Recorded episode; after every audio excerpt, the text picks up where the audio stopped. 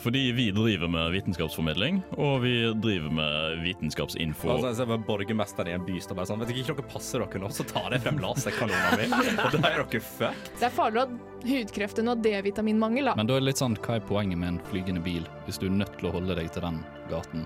Det- Jeg gleder meg til å vitenskape med dere. Du hører på Uillustrert vitenskap.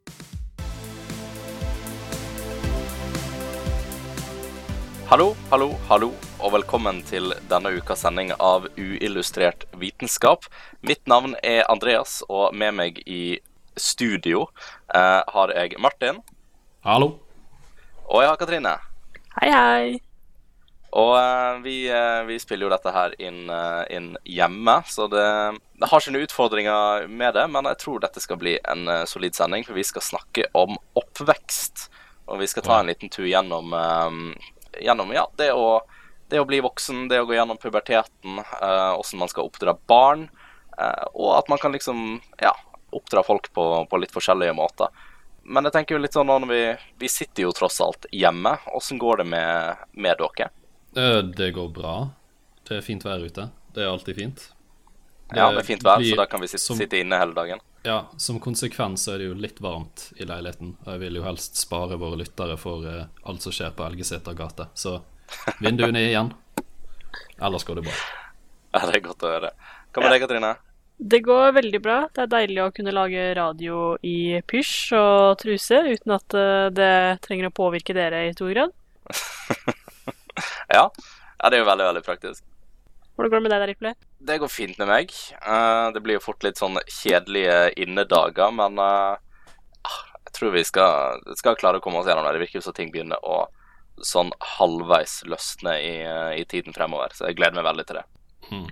Uh, men vi skal egentlig Vi tenker vi tar og, og hopper rett i det. Vi skal snakke litt om pubertet her på Uillustrert vitenskap på Radio Revolt. My name is Dr. Donna Nelson. I'm a professor of chemistry at the University of Oklahoma, and you're listening to Unillustrated Science. Og vi er tilbake til uillustrert vitenskap her på Radio Revolt. Og nå skal vi egentlig snakke litt om eh, det, det jeg vil si er sånn noe av det verste man gjennomgår eh, i hele livet, og som alle, alle gjennomgår på et eh, visst tidspunkt i livet, nemlig puberteten. Å, deilig. Oi, oi, oi. Øh, og um, altså, jeg vet ikke med dere, men jeg hadde en uh, Altså, min pubertetsperiode var fryktelig klein. Altså, den skal jo Den skal jo være klein, men uh, jeg føler at det var litt sånn ekstraordinært for meg, da. Eh, for jeg fikk eh, det, det stemmeskiftet uh, som folk snakker så mye om, det varte så lenge. Men altså, nøyaktig hvor lenge varte det? Det, uff, det husker jeg ikke, men jeg husker bare at jeg satt igjen med følelsen om at vet du hva, dette her varer litt for lenge, kan ikke bare få det ferdig.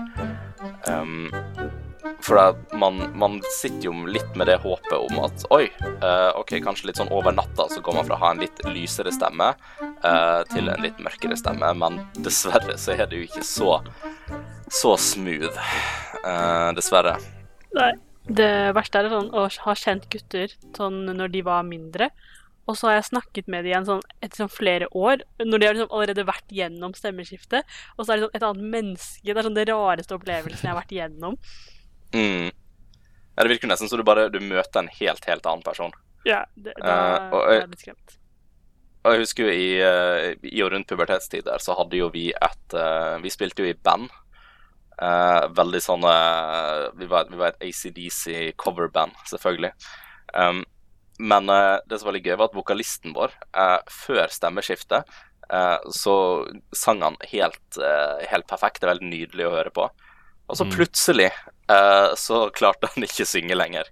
Eh, og det liksom satte, satte en stopper på bandkarrieren vår, da. Nei, stakkars. Oh. Og det var litt sånn Det var, det var litt trist. Men det er noe, det er noe sånt som skjer. Det er puberteten. Men en av spørsmålene vi stiller, er jo, er jo hvorfor puberteten er så klein som den er. da. Og det er jo for det er jo utrolig mye som, som skjer med kroppen. altså def, Definisjonen på en måte av puberteten er jo den gjennomgangen eh, kroppen og hjernen og sånt har for at du skal bli voksen, da, i hermetegn. Um, og det er jo ting som vi, som vi har hørt før. Vi har alle hatt eh, seksualundervisning på skolen. Vi har alle hatt en klein prat med foreldrene våre om hvordan det er å bli voksen, og at kroppen endrer seg. Men det er jo uh, men Det høres ut som du har hatt litt veldig- flere samtaler enn eh, andre, kanskje, Riple. Har ikke dere hatt en, en samtale med foreldrene noe om, å- om kropp og bli voksen? Nei, jeg tror jeg hoppa over den. OK, det er jo ganske heldig. Hva, hva med det, Martin? Nei, det er for kleint å snakke om fortsatt. ja, det, det, skjønner jeg, det skjønner jeg veldig godt. Um, og det er jo, altså Puberteten starter jo eh, Det har jo litt sånn generelle eh, aldersforskjeller når det kommer til, til jenter og gutter. Altså, for de fleste så starter For jenter da, så starter puberteten mellom 8 og 13 år, og for gutter så er det mellom 9 og 15. Og det er jo, i hvert fall når det er liksom rundt dette her 13-14-15-alderen Jeg har jobba som, eh, som konfirmasjonsleder. Um, og da er man jo i alder, eh, alderen 14-15. Og da kan man virkelig, virkelig se forskjell på folk. Da må du ha folk som ser jævlig voksne ut. Altså Hvis du tar gutter som et eksempel. da. Du har noen som sitter med, med 100 ganger bedre skjeggvekst enn det jeg har, og noen som ser ut som de akkurat ble ferdig på um, Altså noen som er midt i barneskolen. Det er så ekstremt stor forskjell på folk uh, når det Ja. kommer til det. Opplevde det samme i Jeg har undervist i ungdomsskole, og det er jo litt Mm. samme tendensene, kan man si. Samme Å alder. ja, absolutt. Ja, ja, ja. 100 Men det er jo Altså, puberteten, hvis en skal ta litt sånn generelt på det, er jo bygd på det er jo bygd på hormoner og utvikling i kroppen, og puberteten har jo en veldig interessant eh, utvikling på, på hjernen. da. Altså det at, um, det, det at hjernen på en måte ut, utvikler seg til å bli, i generelle terms, da, bli mer voksen. Uh, og at man begynner å få interesse i andre ting som man ikke nødvendigvis hadde før. F.eks. samleie og ting, uh, og ting som kommer det. Og det er jo altså grunnen til at eh, Hvis jeg kan svare litt på det, på det spørsmålet tidligere, hvorfor den er klein, er jo fordi at man ikke helt vet hva det er som skjer med kroppen. Altså Man, man sitter der og er bare sånn ekstremt usikker på hva, hva faen er det som skjer med meg. Og det er jo, altså puberteten er jo uh, kobla veldig opp mot det, liksom, det å vokse, det at kroppen vokser. Man blir, uh, man blir høyere og jeg vil si veldig uproporsjonell. Ja, det, det kan man si. Ja, Men det er jo et mål med det. Det er jo at man skal liksom sitte igjen med en, um, med en litt, mer, litt mer voksen kropp. Litt mer, nå, nå tar jeg det fra menns perspektiv, da.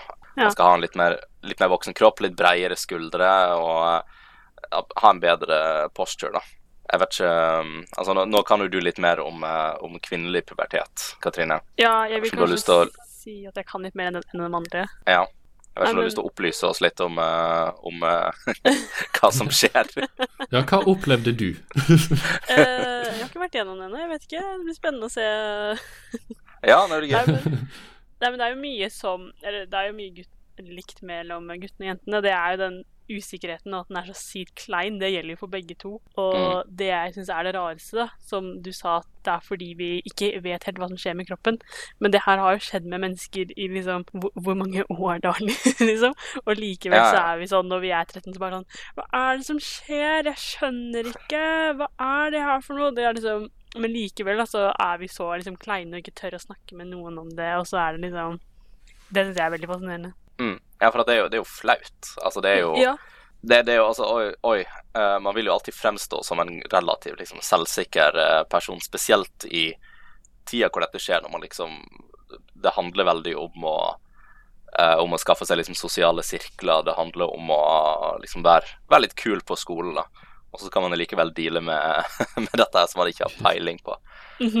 Plutselig så Og- eksisterer ikke jentelus lenger og sånne ting. Ja, ja det var jo, det var jo en, eh, en altfor stor greie. Eh, Jeg tenker vi kan gå inn på det med um, um, seksualundervisning.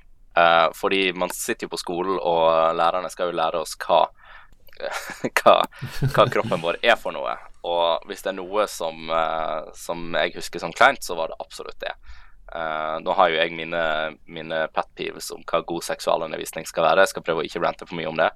Men um, Ja, Altså det, det, det er liksom at man står der med, med den kleine naturfaglæreren og skal, at han skal lære deg hva du er for noe. Det, det, det husker jeg som regel som en ganske ukomfortabel opplevelse. Jeg vet ikke om dere hadde noe lignende. Ja, jeg vet ikke. Jeg tror Jeg lurer litt på om vi hadde med helsesøster.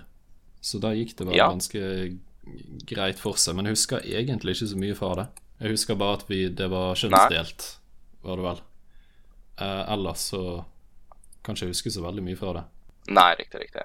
Jeg vet ikke hva med, hva med deg, Katrine. Hvordan var undervisningen på, på skolen din? Eh, det var veldig kleint, fordi alle er jo sånn fnisete og kleine med en gang ordet pubertet og sex blir liksom nevnt. Mm. Eh, men eh, jeg husker at vi samlet oss, bare jentene, og så på en måte snakket vi litt om våre erfaringer og sånt. Ja. Og guttene gjorde det samme. Og jeg tror, begge, jeg tror begge hadde veldig godt av å ikke ha det motsatte kjønn i det rommet. Ja. ja men den, kan jeg se. Ja, eh, jeg ville anbefalt det, da, hvis noen skal ha seksualundervisning i nærmeste framtid. Ja. jeg er jo veldig sånn jeg, er, litt, jeg er litt på motsatten der. Mm. Eh, fordi jeg, men, men det er jo litt sånn Si akkurat nå så er det veldig vanskelig å ha god gjennomført seksualundervisning um, der på en måte begge kjønn er til stede, fordi at det er litt sånn stigma bygd opp rundt det. Men jeg har veldig lyst til at vi skal få til en kultur hvor det er veldig vanlig at alle kan alt. For det er jo kjempeviktig at, uh, at man kan om, om, om kroppen til hverandre. Det er jo, altså Jeg har jo hørt noen sånn type skrekkhistorier om uh, f.eks. Uh, hvis jeg mener å huske det riktig, at det var uh, en voksen dame uh, som plutselig fikk veldig veldig kraftige menssmerter. Mm. Sånn type Nå må jeg til legevakten menssmerter. Ja. Og mannen hennes hadde jo ikke peiling på hva dette var for noe. Så han hadde ikke noen mulighet til å egentlig hjelpe noe med det, for at han visste ikke eh, hele det greiene her fungerte. Nå er det en ganske ekstrem situasjon, da, men jeg syns det er superviktig at, at man kan like mye om hverandre. da. Ja, ja, ja, det er jeg helt enig i. Og ja, vi, vi ler jo litt av det og at det var kleint og sånt, men uh, vi er jo veldig glad for at vi kan ha seksualundervisning i dag, og at vi faktisk vet Ja, fordi sånn som den situasjonen der er jo nesten helt latterlig, liksom, å tenke på, da. Mm. At det er folk som faktisk ikke hadde visst hva det var. Ja. Uh, så det er jo For, for min del syns jeg i hvert fall det, det er veldig viktig. da. Uh, og nå har det jo blitt gjort uh, en del endringer til, uh, til typ pensum og sånn på skole, om at det skal inkludere mer undervisning som dette. Deilig. Men jeg tenker vi skal ta og se litt på barneoppdragelse. og se liksom, ok, greit. Åssen er det fra, litt fra foreldre sitt perspektiv? Kan man, kan man erstatte foreldre og sånt med teknologi? Eh, det skal vi finne ut her på, uh, på ULC Vitenskap. Vi er straks tilbake. Hei, dette er Magnus Carlsen, og du hører på Uillustrert vitenskap. Hei og velkommen til Uillustrert vitenskap her på Radio Revolt. I denne ukens sending så har vi tema oppvekst, og akkurat nå så skal vi snakke om barneoppdragelse. Og i denne anledningen så har jeg vært så heldig og fått med meg en egen barnehagelærer, nemlig deg, Gunnbjørg Hauge. Hallo, hallo. Det er veldig hyggelig at jeg får lov til å snakke med deg. Jeg har en del spørsmål, eh, nemlig om eh, barn i barnehage. Noe som har vært veldig mye i nyhetene i det siste, er jo nemlig den nye teknologien vår. Det har kommet veldig mye nettbrett og mobiler, og mange mener at dette har en veldig stor innflytelse på barna. Mest negativt er det som har vært i nyhetene. Men hva mener du egentlig om det?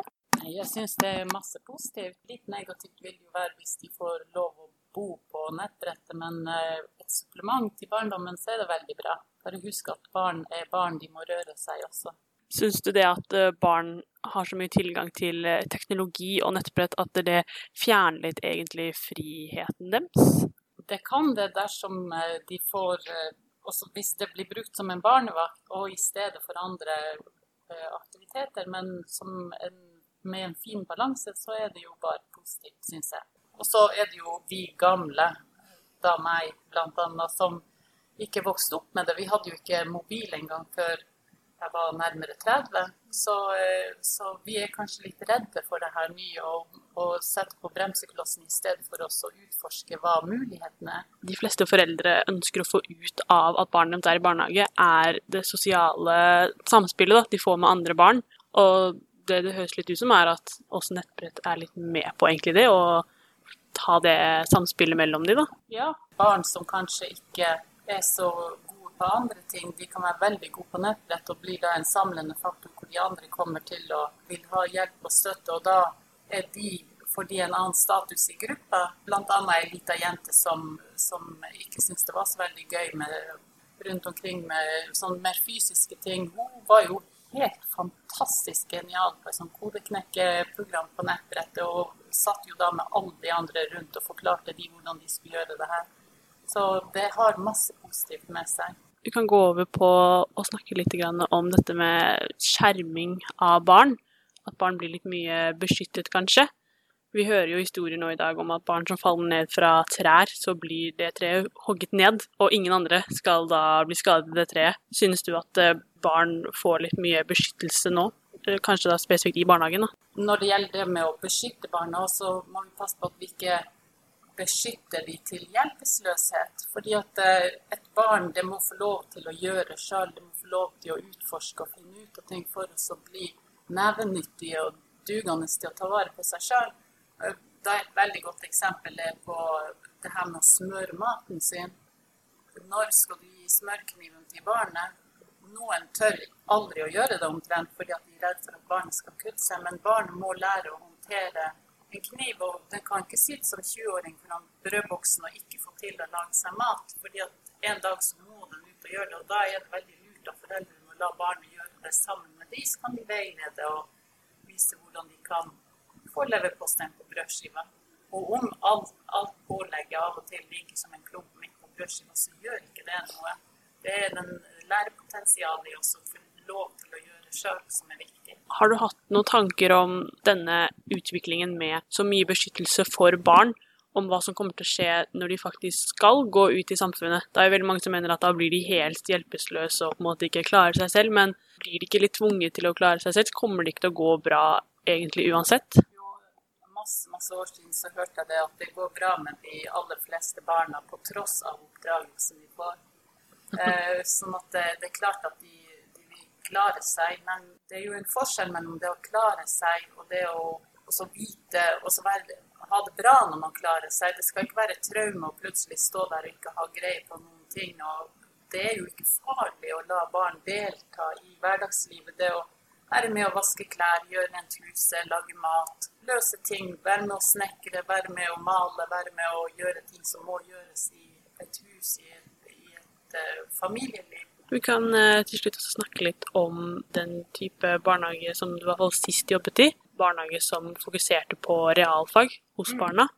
Men vet du om det ble gjort noe type si, forskning på barna? da, Om noen fikk noe oppfølging videre? Om de fulgte noe med på om de har på måte valgt noe mer realfag, da, eller om de gjør noe betydelig bedre på skolen osv.?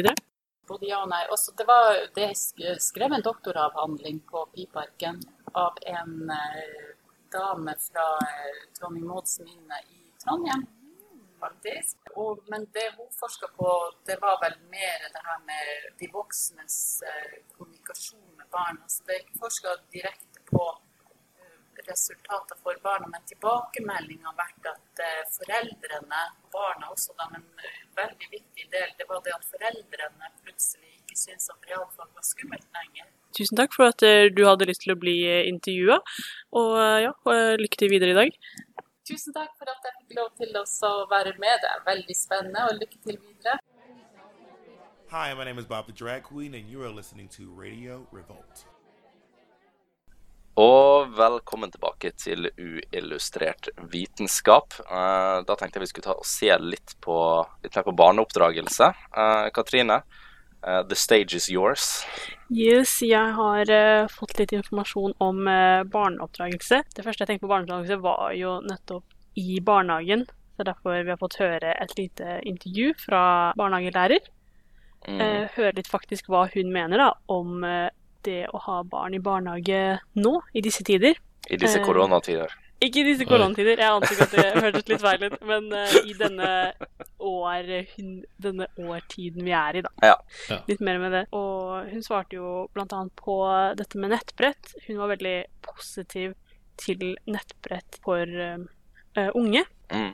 Det er jo Med en gang nettbrett kom, husker jeg, for noen år siden, så var det så mye klager. Det var veldig sånn Dette kan ikke være bra for unge, det er bare negative konsekvenser. Og så spurte jeg eh, denne barnehagelæreren om hva hun syns. Hun likte det. Og så nå når jeg har søkt opp, så er det masse forskning gjort på det, og det er nesten utelukkende positivt. Det bedrer bl.a. relasjon med foreldre med at de kan ha med å spille spill på nettbrett f.eks. Det gjør at de finner en interesse både hos barnet og foreldrene. da, At det ikke blir for barnslig, f.eks. Mm. Ah, I at de liksom da har muligheten til å, til å på en måte utforske litt ting de er interessert i på egen hånd, da, eller hva tenker du? Nei, på en måte et, et brettspill F.eks. Monopol da, kan jo være veldig vanskelig å spille med en toåring. Mm, Eh, ja, for det er veldig vanskelig for den å sette seg inn i det. Mens med ulike typer spill da, som kan bli gjort bl.a. på disse nettbrettene, så gjør det mulighet for at foreldrene faktisk syns det er gøy, og da faktisk har lyst til å tilbringe kanskje mer tid med barnet sitt. Mm. Så det er én en positiv ut av det. Og så er det jo å formidle kunnskap. At det kan bli gjort på en veldig morsom og ny måte, slik at barn kan fortere bl.a. lære å lese og skrive. Og det Selvfølgelig, nå bruker jeg nettbrett, men det innebærer jo egentlig bare generelt ny teknologi, da, og spill. Mm. Så det trenger ikke nødvendigvis være på nettbrett, men bare konsoller som ja, eksempel PlayStation, Nintendo, så kan det være spill, da. Og der eh, tvinger det på en måte barna til å lære seg å lese fordi de vil komme seg videre i spillet, ikke sant. ja. Så det har vist seg Ja, det- veldig positivt. Ja. Ja, det er jo Altså, det, det er jo litt når jeg tenker stereotypen i det, så er det jo i hvert fall av, av det jeg har sett, da, så er det jo på en måte det at ja, du, du har ungen som sitter der og ser på en eller annen sånn rar Det jeg vil kalle for liksom syre-inducing YouTube-video. altså, i hvert fall altså, Teletubbyene var jo syre-inducing da vi så på Ja, det som oi, barn. oi, oi, ja. ja. Men YouTube er jo en helt ny, eh, en helt ny kanal for sånne ting. Da. Og et, men jeg tenker jo primært at en, en av de tingene For jeg husker jo en del artikler om dette her når det kom ut. Ja. Um, Mm. Det er jo det bare sånn OK, kan du Hvis man gir barnet bare et nettbrett, f.eks., for, eksempel, for å slippe å deale med dem, Mm. um, er det Altså, når man sier det på den måten, så høres det jo ikke positivt ut. Ble hva, hva tenker du om det? ja. Det er jo det jeg også hørte med en gang. Men det blir jo litt det samme som Det er jo bra at barna dine er ute og leker, f.eks. Mange mener jo at det Mm. kun er positivt. Men det blir jo litt det samme der hvis du bare lar barna dine være ute hele tiden. Og på en Mm. måte ikke lar de gjøre noe annet, da. Det er jo ikke bra, det heller. Mm. Og det er litt sånn det samme med nettbrett, egentlig. da. At det er jo selvfølgelig ikke bra at de får for mye av det. Og Ja. man bør uh, ha selvfølgelig en viss regler på det, at det ikke er det eneste de gjør. Og de er jo barn, de skal være aktive og bevege seg i tillegg. Men eh, Mm. det er ikke så skummelt som veldig mange tror, da, å, å gi dem en iPad for å på en måte roe seg ned og gjøre noe annet. Sånn som med Mm. allting, så er det jo ikke bra at de bare gjør én ting. Nei, Nei, det er må ikke, få, få for mye av det. Mm. Men uh, dette da med spill og nettbrett og sånt viser jo en litt sånn positiv, noe positivt med å være barn i dag. Men noe som Mm. kanskje vil være Eller i hvert fall veldig mange sier er negativt, er dette med at vi skjermer barna våre ekstremt mye. Mm. Det er litt denne Og- stereotypen om at eh, vi beskytter barna våre altfor mye nå. Ja, det er veldig mange som mener at det ikke er bra. Som jeg Først og fremst vil jeg bare stille spørsmål. Det er veldig mange som sier at det ikke er bra, men likevel så blir det gjort i dag. Så hvem er det som sier at det Mm. ikke er bra, og hvem er det som fortsetter å gjøre det? ja, det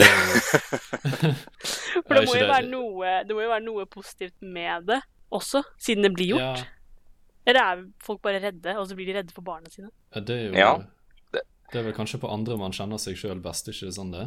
At Jo, eh, det er nettopp det. Uh, Jeg føler det blir alltid litt i de sakene med det som skjer i dag, og hva vi må unngå at folk gjør. Og så er det Ja. sånn Ja, men ville du gjort det? Kjenner du noen andre som gjør det? Uh, det er litt denne nesten shaming av uh, Altså, for det, det føler jeg jo absolutt er en greie i dag, at folk er jo veldig Det er jo enkelte folk som liker å shame andre for måten de oppdrar barn på. Eh, Uh, bare sånn, nei, Hvis ikke du gjør det på min måte, uh, Ja. så er ikke det bra nok. Ja. Um, og det, det kan jo skape en del problemer. Jeg skjønner jo det er jo sannsynligvis der den debatten om barn og skjermer og sånt kom ifra. Altså dataskjermer og iPader og sånn. Mm. Ja, og så øh, den litt sånn øh, undersøkelser jeg har sett på det, er at mange mener at når vi starta med dette skjerming og også veldig sånn idealisering av sine egne barn Det startet Mm. for på en måte ca. sånn 20 år siden. Mm. Og de som eh, er i den generasjonen, det er jo på en måte oss, da, eller i hvert fall spesifikt meg, eh, det, vi blir jo på en måte veldig kalt sånn generasjons, eh, generasjon perfeksjon. Og mange tror at det kan ha litt med det å gjøre, da, fordi vi blir så skjerma, og da får vi ikke egentlig prøvd oss fram, fordi alt er liksom lina opp til at vi ikke skal bli skada, alt skal gå perfekt hele tiden. Og det gjør at når man blir voksne, så er man egentlig ikke vant til å gjøre feil. Man vet ikke hva som skjer da. Så istedenfor å eh, prøve kanskje noe, og så feile, og så Men OK, jeg prøvde i hvert fall, så velger man å ikke gjøre noe i det hele tatt. Og bare er sånn Nei, det kommer ikke til å gå, fordi det må gå perfekt, og hvis ikke, så gjør det ikke det. Og jeg tror det har en veldig i en, en grunn til at kanskje folk sliter litt med, med depresjon og sånt i dag, da. Mm, absolutt. Jeg har jo en egen eh, teori om at eh, vi bare mer og mer skal bli tatt over av roboter, siden vi ikke kommer til å kunne ta egne avgjørelser, fordi alt blir på en måte bare gjort for oss, at det bare blir liksom verre og verre, og så er det bare roboter som styrer oss til slutt. Ja, men altså, ta, ta se, du har sett Wall, har du sett Wall-E? Ja. Ja, det virker jo ganske Ja. chill, da. Jo, altså, bare de også. De har skjønt det, altså bare det å kunne ligge og, og, og chille hver dag, og så gjøre robot og alt annet, altså. Er ikke det det som er den ideelle fremtiden, da? Ja, i, i verdensrommet. Mm. Det, ja, jeg vet ikke helt om jeg hadde taklet den der uh, konstant mobility scooter-tilstanden på den måten uh, i verdensrommet. Jeg vet ikke, det, Jo, altså, det høres, det, verste- høres kanskje kult ut i med- teorien. Altså, det verste aspektet med livet er jo å gå, og endelig, endelig slipper du dette. Det er jo fantastisk. Det er utrolig hva teknologien kan gjøre for oss. Vi skal gå litt videre, og skal vi se litt på foreldrenes rolle, rolle innenfor dette. her. Eh, hvilken påvirkning har foreldre på barnet, og hva eventuelt konsekvenser kan god eller dårlig oppdragelse og påvirkning fører til. Eh, men før det så skal du få høre en låt her på Uillustrert vitenskap. Vi er straks tilbake.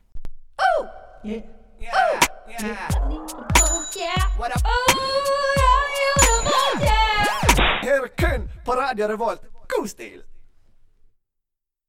Yes, vi er tilbake på Uillustrert vitenskap på Radio Revolt. Og det viser seg at eh, en av de rollene man har eh, for å påvirke et barn, kommer fra foreldrene.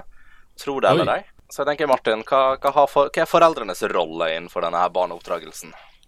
Ja, Vi kan jo begynne der vi slapp eh, nå i sted. Vi snakket jo litt om utdannelse og generelt, så vi kan jo se litt på utdannelse.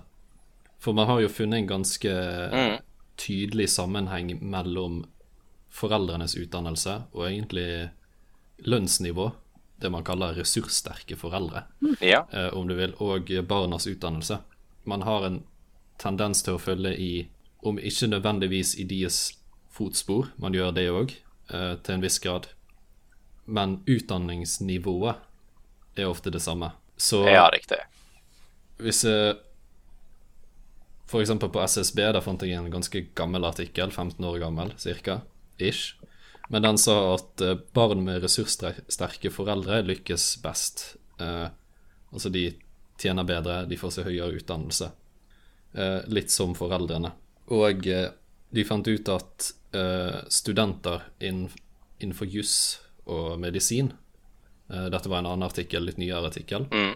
Så fant de ut at de studentene har større sjanse for å fullføre studiet hvis foreldrene enten er jurister eller medisinere. Så man ser jo der en Skal vi si at man, man har det som kalles sosial reproduksjon. Altså at man følger at skolen Eller hva skal man si Man følger foreldrene sin sosiale status. Og Ja, riktig. Så hvis, hvis foreldrene på en måte har en uh, for eksempel litt mer høytstående stilling innenfor, uh, innenfor et selskap, og sånt da, så har barna en større sjanse på å liksom strebe etter det samme. Uh, det ser mer ut som at det er rett og slett bare foreldrene som uh, er mer involvert i barnas utdannelse. når man Mm. snakker om foreldre med høy utdannelse. Ja, riktig. Eh, fordi Hvis jeg husker riktig fra en forelesning jeg hadde, så snakket de om at rundt 80% av de som har mastergrad, eller de som tar mastergrad eller har mastergrad i Norge, har en eller begge foreldre med mastergrader. Så Ja, det er jo egentlig ganske få som tar en mastergrad, som ikke har en en eller, flere, en eller begge foreldre med mastergrader. Og dette har jo vært litt vi, eh, vi vil egentlig ha liksom folk som, som, som streber etter liksom, vet du hva, Greit, det er ikke noe utdanning innenfor min familie. Jeg skal, jeg skal ta og så endre på det. Ja, det skjer ikke så altfor ofte. Ja, det er litt sånn at det er så høye tall, men jeg, du merker det jo bare i Trondheim, da, med folk som går sånn eh, og sånt. Jeg har ikke noen spesifikke tall på det her, men det er ekstremt mange ganger hvor jeg snakker med folk, og så har de sagt at både, ja, ikke bare far, men både mor og far har også vært eh, studenter da, i Otto Trondheim, og ja, det har skjedd veldig ofte, så det er ikke så rart at det er så høye tall, egentlig. Nei. Mm. Så det, det har jo vært litt bekymring òg, fordi at en av hensiktene med den norske skolen, blant annet, er jo å skulle jevne ut disse ulikhetene. Men vi har jo ikke fått det helt til. Det ser fortsatt ut Nei. som det er foreldrene som har eh, mest å si der for eh, hvilken utdannelse du tar. Jo. Men jeg skjønner jo det veldig godt. Altså hvis du har uh, um, Hvis man har foreldre som har sitter liksom med, med en grei utdanning da, og føler seg liksom de har, de har jo selvfølgelig lyst til å investere i at barna skal ha det like fint som de hadde det. Og Ja. den skjønner jeg jo veldig godt. Um, det, er jo, det er jo en bra ting, vil jeg si. da. Ja, på en måte. Ja, det spørs det- jo litt hva eh, barnet faktisk vil òg. Ja, jeg, jeg tenker ikke at det liksom styrer utdanningsretningen for dem, men at de faktisk er investert i at barnet skal eh, få seg en god utdanning. Vet du hva, bare sånn, altså Et lite insentiv for å f.eks. reise på universitetet, eller bare litt oppfordring, motivasjon, eh, går jo en veldig lang vei. Men eh, det er jo litt trist også, da, hvis den statistikken viser at hvis du ikke har eh, foreldre med høyere utdanning, at det da er mindre sannsynlig at du gjør det selv. Så det er Ja. måte, du er på en måte født inn i Det er litt sånn determinisme inn her, da. Ja. Det er jo en litt sånn eh, Det er jo mangel på sosial mobilitet. At det ikke kun er med på å definere utdanningsvalget ditt, men òg om du faktisk fullfører utdanningsvalg, eller hva du Mm. lander på. Om eh, hvilke konsekvenser det her har for samfunnet og sånn, det er en annen diskusjon, tenker jeg. vi kunne sikkert snakket om det veldig lenge, for vi kan jo gå over på eh, noe annet som òg henger litt sammen med med foreldre og oppdragelse, og det er kriminalitet. Oh, Kriminalitet. yeah. Det kuleste som fins. Bare kule kids som driver med kriminalitet. Oh, Ja. yeah. For det var en studie fra Malmö, og vi har jo, all- eh, vi har jo alle hørt om Malmö. Mm. Kriminalitetssammenheng, ofte. Der fant de ut at barn som har en sterk tilknytning til foreldrene sine, har mindre sjanse for å ende opp som kriminelle. De har også større sjanse for å unngå narkotika og andre, hva vi si, andre ting. Og det viste seg at jo bedre informert foreldrene var om hva ungene drev med, jo mer kunne de eh, hva skal jeg si, rettlede de. Riktig. Og, de og det ser ut som det er òg eh, større risiko for jenter. Akkurat det med skal vi si eh, tilknytning til foreldre og kriminalitet. Eh, at eh, jenter som har en dårlig tilknytning til foreldrene, har større sjanse for å ende opp som kriminell enn blant gutter. Selv om, selv om okay. eh, det er vel flest gutter. Jeg er faktisk litt usikker på hvordan kjønnsfordelingen er egentlig.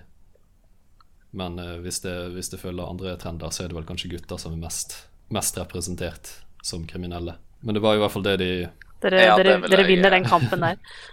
Yes. Men jeg, jeg vil tippe der at det kanskje er litt forskjellige grader av Det kriminalitet. det. da. Ja. Jeg fant ikke nødvendigvis så mye om det, men det går jo an å anta det. Det de da konkluderte med, var jo det at foreldrekontroll var viktigere enn nabolaget du vokste opp i. Så Mm. Ja, men det, det, det kan jeg forstå veldig godt. Altså, det er jo foreldrene du ser mest, og i hvert fall i liksom tidlige stadier av livet, så er det jo foreldrene du tar råd av for at de er rollemodellene dine. Og hvis ikke de har så mye å komme med akkurat på, på ting som det, så hender det at man kanskje finner seg i miljø Mm. som man ikke nødvendigvis burde være Og i. så handlet det jo òg selvfølgelig om, eh, om ungdommen sin moralske standard òg. Altså, de har, jo, de har jo egne tanker om det sjøl. Så det var jo en faktor i det.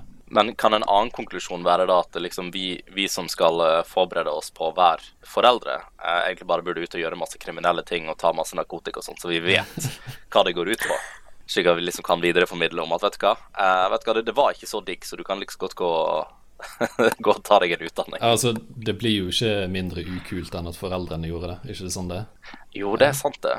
Så hvis vi bare gjør, vi bare gjør alt det crazy shit, så vil ikke kids gjøre det. Smart. Det er litt sånn Hvis jeg har lyst til å fjerne Hvis jeg har lyst til at ungdommen skal slutte å flosse i klasserommet, så kan jo jeg kanskje begynne å gjøre det sjøl, som lærer. Da, Mm. da tror jeg fort det blir fort slutt på det. Jeg kan, jeg kan love deg at det fungerte eh, da jeg var konfirmasjonsleder. For jeg eh, Altså, det, det, kids liker å både flosse og dabbe og gjøre alt mulig gøy, men med en gang Ja. jeg gjorde det, så slutta de ganske fort med det, altså. Så det, det, det kan jeg si funker. Fra, fra i hvert fall min, min korte empiriske ja, studie. har vi det. Da har vi fasiten på barneoppdragelse. Ser sånn ut. Ser sånn ut. Så lett, så lett var det. Ja, men det er nok Hva skal jeg si de, treng- de, eh, Jeg tror ikke personlig erfaring var nødvendig for å vite hva som, er, hva som kan være dårlig innflytelse på ungene sine. Og med foreldrekontroll så tror jeg ikke de heller snakker om hva skal jeg si, fullstendig ta kontroll over livene deres, men mer en slags sånn skjønne hva de Nei. holder på med, og uh, rett og slett prøve å sette seg litt inn i det, og uh, få en tilknytning. Mm. Og det, men det tenker jeg er jo viktig, det er jo viktig generelt. Ja da. Uh, og, og bare liksom Altså å ta seg tida til å investere i hva, hva kidsa driver med. Det er, det er bare et generelt godt tips å, å ha. Mm. tenker egentlig at uh, vi skal ta og se litt på litt sånn spesielle måter å vokse opp på. For at nå har vi jo vært gjennom altså, dette her med, med, med foreldre, vi har sett på teknologi eh, og alt mulig sånt, men det er jo ikke alle som har eh, Altså, det, det, er jo, det er jo en luksus, det òg. Så folk kan jo vokse opp i alle mulige miljøer og med alle mulige rollemodeller. Jeg tenker vi skal ta og se litt på det straks. Men før det så skal vi få en uh, låt uh, her på Illustrert vitenskap. Du hører på Radio Revolt. Radio Revolt. Og velkommen tilbake til uh, Uillustrert vitenskap. Du hører på Radio Revolt. Og det er jo ikke alle som eh, Altså, det finnes unntaker til det å på en måte vokse opp i det vi anser som normalt. Eh, altså vokse opp i en husholdning, gå på skole, eh, få seg jobb og alt mulig det. Det er bl.a. ting som uh, f.eks. hjemmeundervisning. Og Martin, du har jo sett litt på, sett Ja, litt på dette. jeg så litt på det, og jeg ble litt overrasket, egentlig. Fordi at mitt, Ja. mitt syn på var jo det at hjemmeundervisning ikke kan gå bra. Kanskje. Eh, men okay, fordi jeg ja. tenkte jo at uh, ok, man, man skjermer ungene fra andre jevnaldrende, sånne ting. Men det Mm. viste seg jo at hvis man først ser på skoleresultater, da i, uh, Vi må jo nesten til USA for å få gode nok tall på det her. Så var det en del undersøkelser som viste at de som gikk på hjemmeskole, gjorde det bedre på standardiserte tester enn snittet på offentlige skoler. Andre tester viste ingen okay. forskjell, men det var liksom ingen forskjell eller bedre resultater veldig ofte. Og dette har jo trolig med noe med fokuset til foreldre som, eh, som sender ungene sine på hjemmeskole. Det handler jo ikke nødvendigvis om at man mener at det man lærer på skolen er feil, men heller at man tenker at man kan gjøre en bedre jobb. Så det var jo Mm. foreldre som satset veldig på en eh, akademisk fremtid for ungene sine, eller en akademisk utdannelse. Så de gikk vel gjennom det samme. Tenker du da på at de f.eks. la opp undervisninga litt mer til å på en måte Altså at det retter mot en mer spesifikk Eh, jobb? Ikke nødvendigvis, men at de kanskje følger det samme som de ellers går gjennom på skolen, men de har mer tid til tettere Ja. oppføl oppfølging.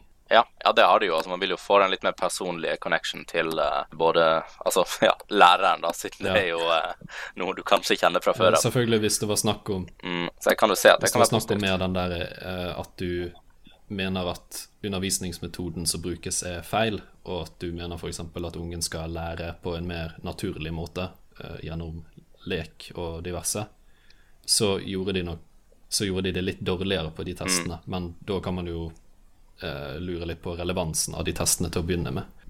Det andre var jo en bekymring om det sosiale. Går de glipp av Ja. Det er fordi det er det Det er litt der, det er litt der jeg òg sitter og tenker bare Ja. Sånn, wow, OK, vennskap og liksom det å ha andre å kunne diskutere ting med og sånne ting, hjelper jo veldig på det akademiske. da, I hvert fall det Ja. jeg tenker. Ja, og bare også få lov til å kunne ha sitt eget, Mm. på en måte. Som ikke er hjemme, og ikke er Som mamma og pappa ikke vet noe om. Ja.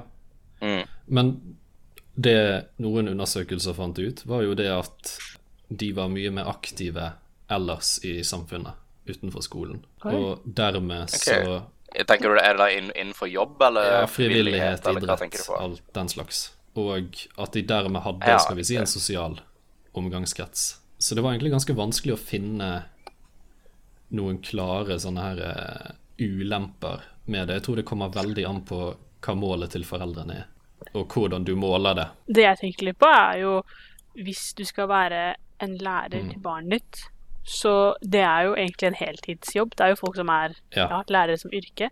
Så da må jo de, har de jobb i tillegg til å være lærer til barnet sitt. Ja, da- jeg vet eller- ikke. Det kan jo hende at det er det som gjør at det ikke er tilgjengelig for alle.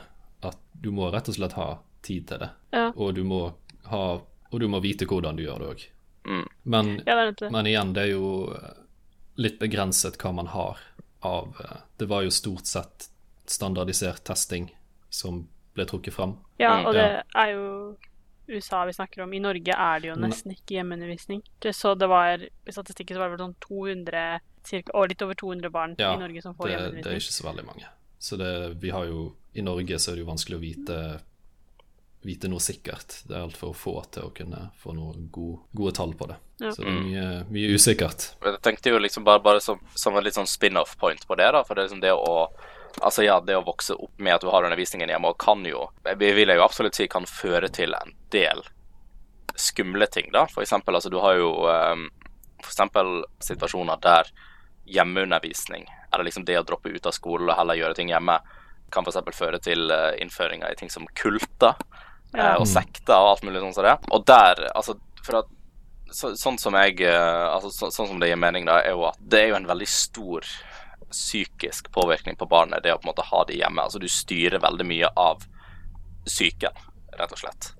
Ja. Og når du på en måte sitter og har hjemmeundervisning og holder på med sånne ting, så er jo det veldig lett å kunne manipulere ting i en viss retning. I hvert fall når du liksom får mer eller mindre alle livsråd og all akademisk eh, Ja. kunnskap fra Og da er jo kanskje ja, hensikten til foreldrene er jo det Eller da mener jo de kanskje at skolen er det som gjerne vasker barna. Mm.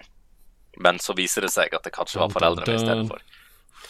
Mm. For jeg, jeg satt og så på en artikkel hvor det var noen som beskrev det med at de gikk ifra altså basically gikk ifra hjemmeundervisning til å bli indoktrinert i en kult. da. Det er veldig mye å dekke, så vi rekker ikke å, å ta alt det i dag. Men all in all så gikk det relativt dårlig til slutt. Altså Vi har jo sett åssen åssen sekter ofte gjør det. Det er jo mange eksempler på der sekt, sekter og sånt ikke Ja. gikk veldig bra. Ja, jeg prøvde også Um, å finne litt sånn positivt med å vokse opp i sekt, men det var liksom ikke så mange som hadde så mye positivt å si. Nei, jeg, jeg, vil jo, jeg vil jo tørre å komme med den ville påstanden om at det er generelt en dårlig ting Ja. Og uh, indoktrinere folk i sekta, spesielt barn. Det er veldig veldig lite greit. Men vi, vi eh, begynner dessverre å gå litt tom for tid her i Julestadvitenskap. Vi skal komme tilbake straks og ta et, uh, ta et skikkelig farvel med dere. Uh, men før det så skal dere få høre en låt her på Radio Revolt. Vi er straks tilbake. Og vi er tilbake med uillustrert vitenskap, men ikke så altfor lenge, for vi er dessverre nødt til å ta farvel. Um, vi har vært gjennom en del, en del kule ting i dag, uh, og ser litt på oppvekst og sånt. Uh, jeg vet ikke hvor mange konklusjoner vi egentlig nei, kom til. Er, I, iPad, er det yay or nay? Det, jeg vil si det er yay, for min del. Mm. Ja, nei, men da, da har vi da, da. Ja, Det var konklusjonen. At foreldrene passer litt på barna sine. Det er òg viktig. Det er viktig. Ubestemt om hjemmeskole. Kan hende det sier noe mer om det amerikanske utdanningssystemet enn om effektiviteten til hjemmeskole. Jeg vet ikke. Eh, har vi noe annet vi må konkludere med? Ja. Eller ikke konkludere med, alt ettersom? Sek sekta heller vel fort mot nei, eh, i mine øyne i hvert fall. Ja, det Og puberteten er ja, klein. Det, Ja, puberteten er klein. Puberteten er nei. Nei. Så det er veldig bra. Tusen takk for at du der hjemme har, har hørt på oss i dag. Eh, det er jo alltid litt, litt mer utfordrende å ha sending eh, hjemmefra, men vi håper i hvert fall at eh, du har hatt det gøyere i dag. Mitt navn har vært Andreas, eh, og det har vært veldig, veldig hyggelig. Med meg i min studio i dag så har jeg hatt Martin, og jeg har hatt Katrine. Farvel. Ha det bra. Du har lyttet til en podkast på Radio Revolt, studentradioen i Trondheim. Sjekk ut flere programmer på radiorevolt.no.